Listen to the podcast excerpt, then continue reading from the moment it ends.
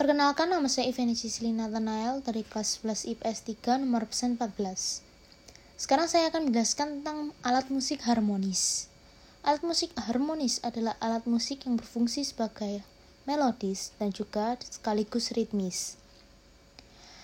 Lalu, memainkan musik dalam grup sering disebut sebagai ensemble.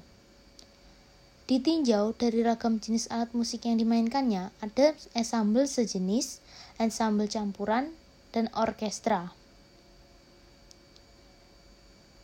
Ensemble sejenis adalah ensemble yang memainkan alat musik dari jenis yang sama, misal ensemble perkusi, ensemble tiup, ensemble gesek, dan sebagainya.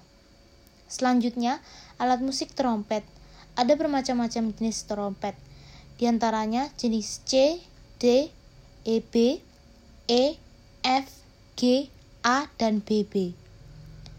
Akan tetapi, yang paling lazim dan sering dipakai adalah trompet BB. Selanjutnya French horn. French horn merupakan keluarga alat musik tiup logam. Biasanya dimainkan dengan ensemble atau orkestra musik klasik. Selanjutnya, klarinet. Klarinet adalah instrumen musik dari keluarga alat musik tiup juga. Lalu, yang selanjutnya adalah saksofon. Saksofon tergolong dalam keluarga alat musik tiup, terbuat dari logam dan dimainkan seperti cara memainkan klarinet.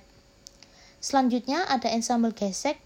Ensemble gesek merupakan ensemble dengan kelompok alat musik gesek, seperti biola, violin, cello, dan kontrabas.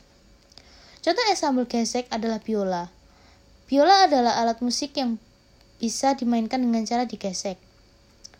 Biola memiliki empat senar yaitu senar G, D, A, dan E yang disetel berbeda satu sama lain dengan interval sempurna kelima.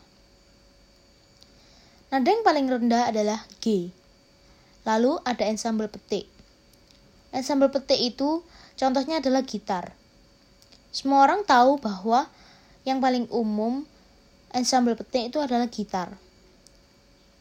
Sebagai bahan namanya, ensemble gitar merupakan instrumen utama gitar.